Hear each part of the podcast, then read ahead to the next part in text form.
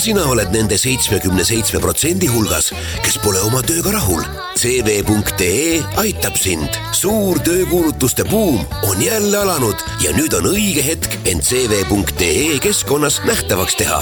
aktiveeri oma CV, luba parimatel tööandjatel end üles leida ja tee tööd, mis sulle päriselt meeldib. CV.ee tööportaal targale inimesele Kuku raadio nädala kommentaar. tere, mina olen Kivisildnik ja soovin heale raadiokuulajale kõrget potentsiaali. oleme ausad. see lause läks nüüd natuke käest ära.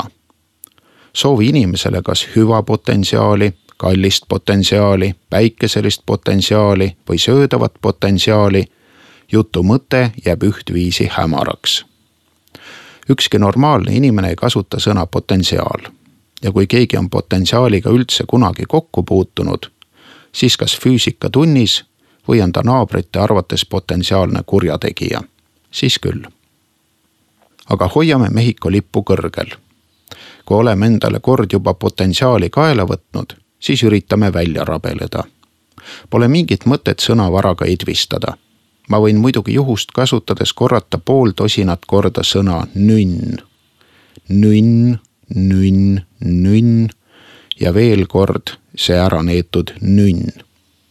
ja ongi igalühel selge, et kivisildnik on eriti küllusliku ja eksootilise sõnavaraga intellektuaalne poeet, kellel pole midagi öelda normaalne luuletaja ei kuhja tähenduseta sõnarisu, vaid leiab sobiva olmelise võrdpildi nünni või potentsiaali kuuldes tuleb kodanikul silme ette tühjaks saanud akuga mobla must ekraan.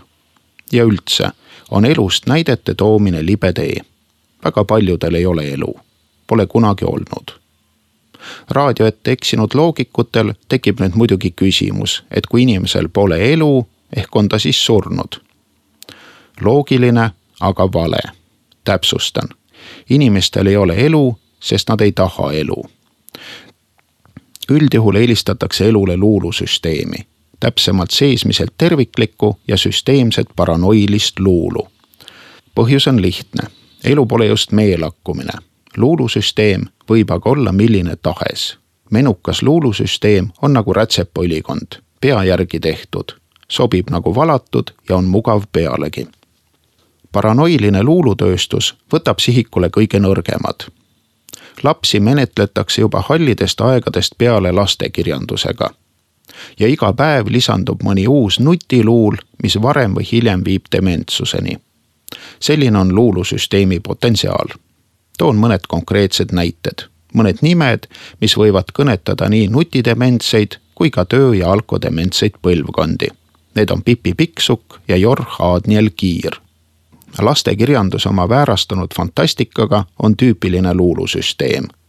Pipi on soostereotüüpe ähmastav feministlik naishiid, kelle kõrval kriminaalid Ville ja Rulle on vagurad lambukesed. Kiir oma hädise ja virila olekuga esindab aga tüüpilist Eesti meest, kelles erinevalt Tootsist pole mingit espriid, elaani ega isegi mitte Damasseri raudu. ometi on nii Pipis kui Kiires määratu potentsiaal Pipis oli potentsiaali, et saada feministide vapiloomaks ja soohämaruse keskseks arhetüübiks. ometi läks teisiti. paranoilise loogika kohaselt kujunes temast hoopis valgete ülemvõimu kehastus ja mustade rõhumise ja solvamise instrument ning see häbiväärne teos kirjutati arenenud sotsialismi tingimustes ümber. kiirel ei läinud paremini. Luts ise kirjutas kiire ümber meesšovinistlikuks monstrumiks, kahe naise pidajaks ja samas ka eraettevõtjana kahe naise ekspluateerijaks. masendav lugu, eriti kui arvestada seda, et kiire potentsiaal saada alternatiivsete peremudelite kaitsepühakuks ei ole mingil kombel realiseerunud. sellistes luuludes rapsimine ei ole kerge, aga olukord läheb veelgi hullemaks, kui lastekirjanduse asemele tuleb meedia.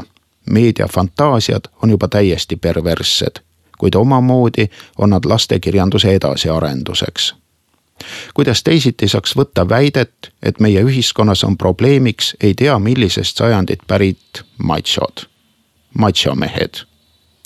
Machode päritolu sajand ja geograafia on teadusele hästi tuntud.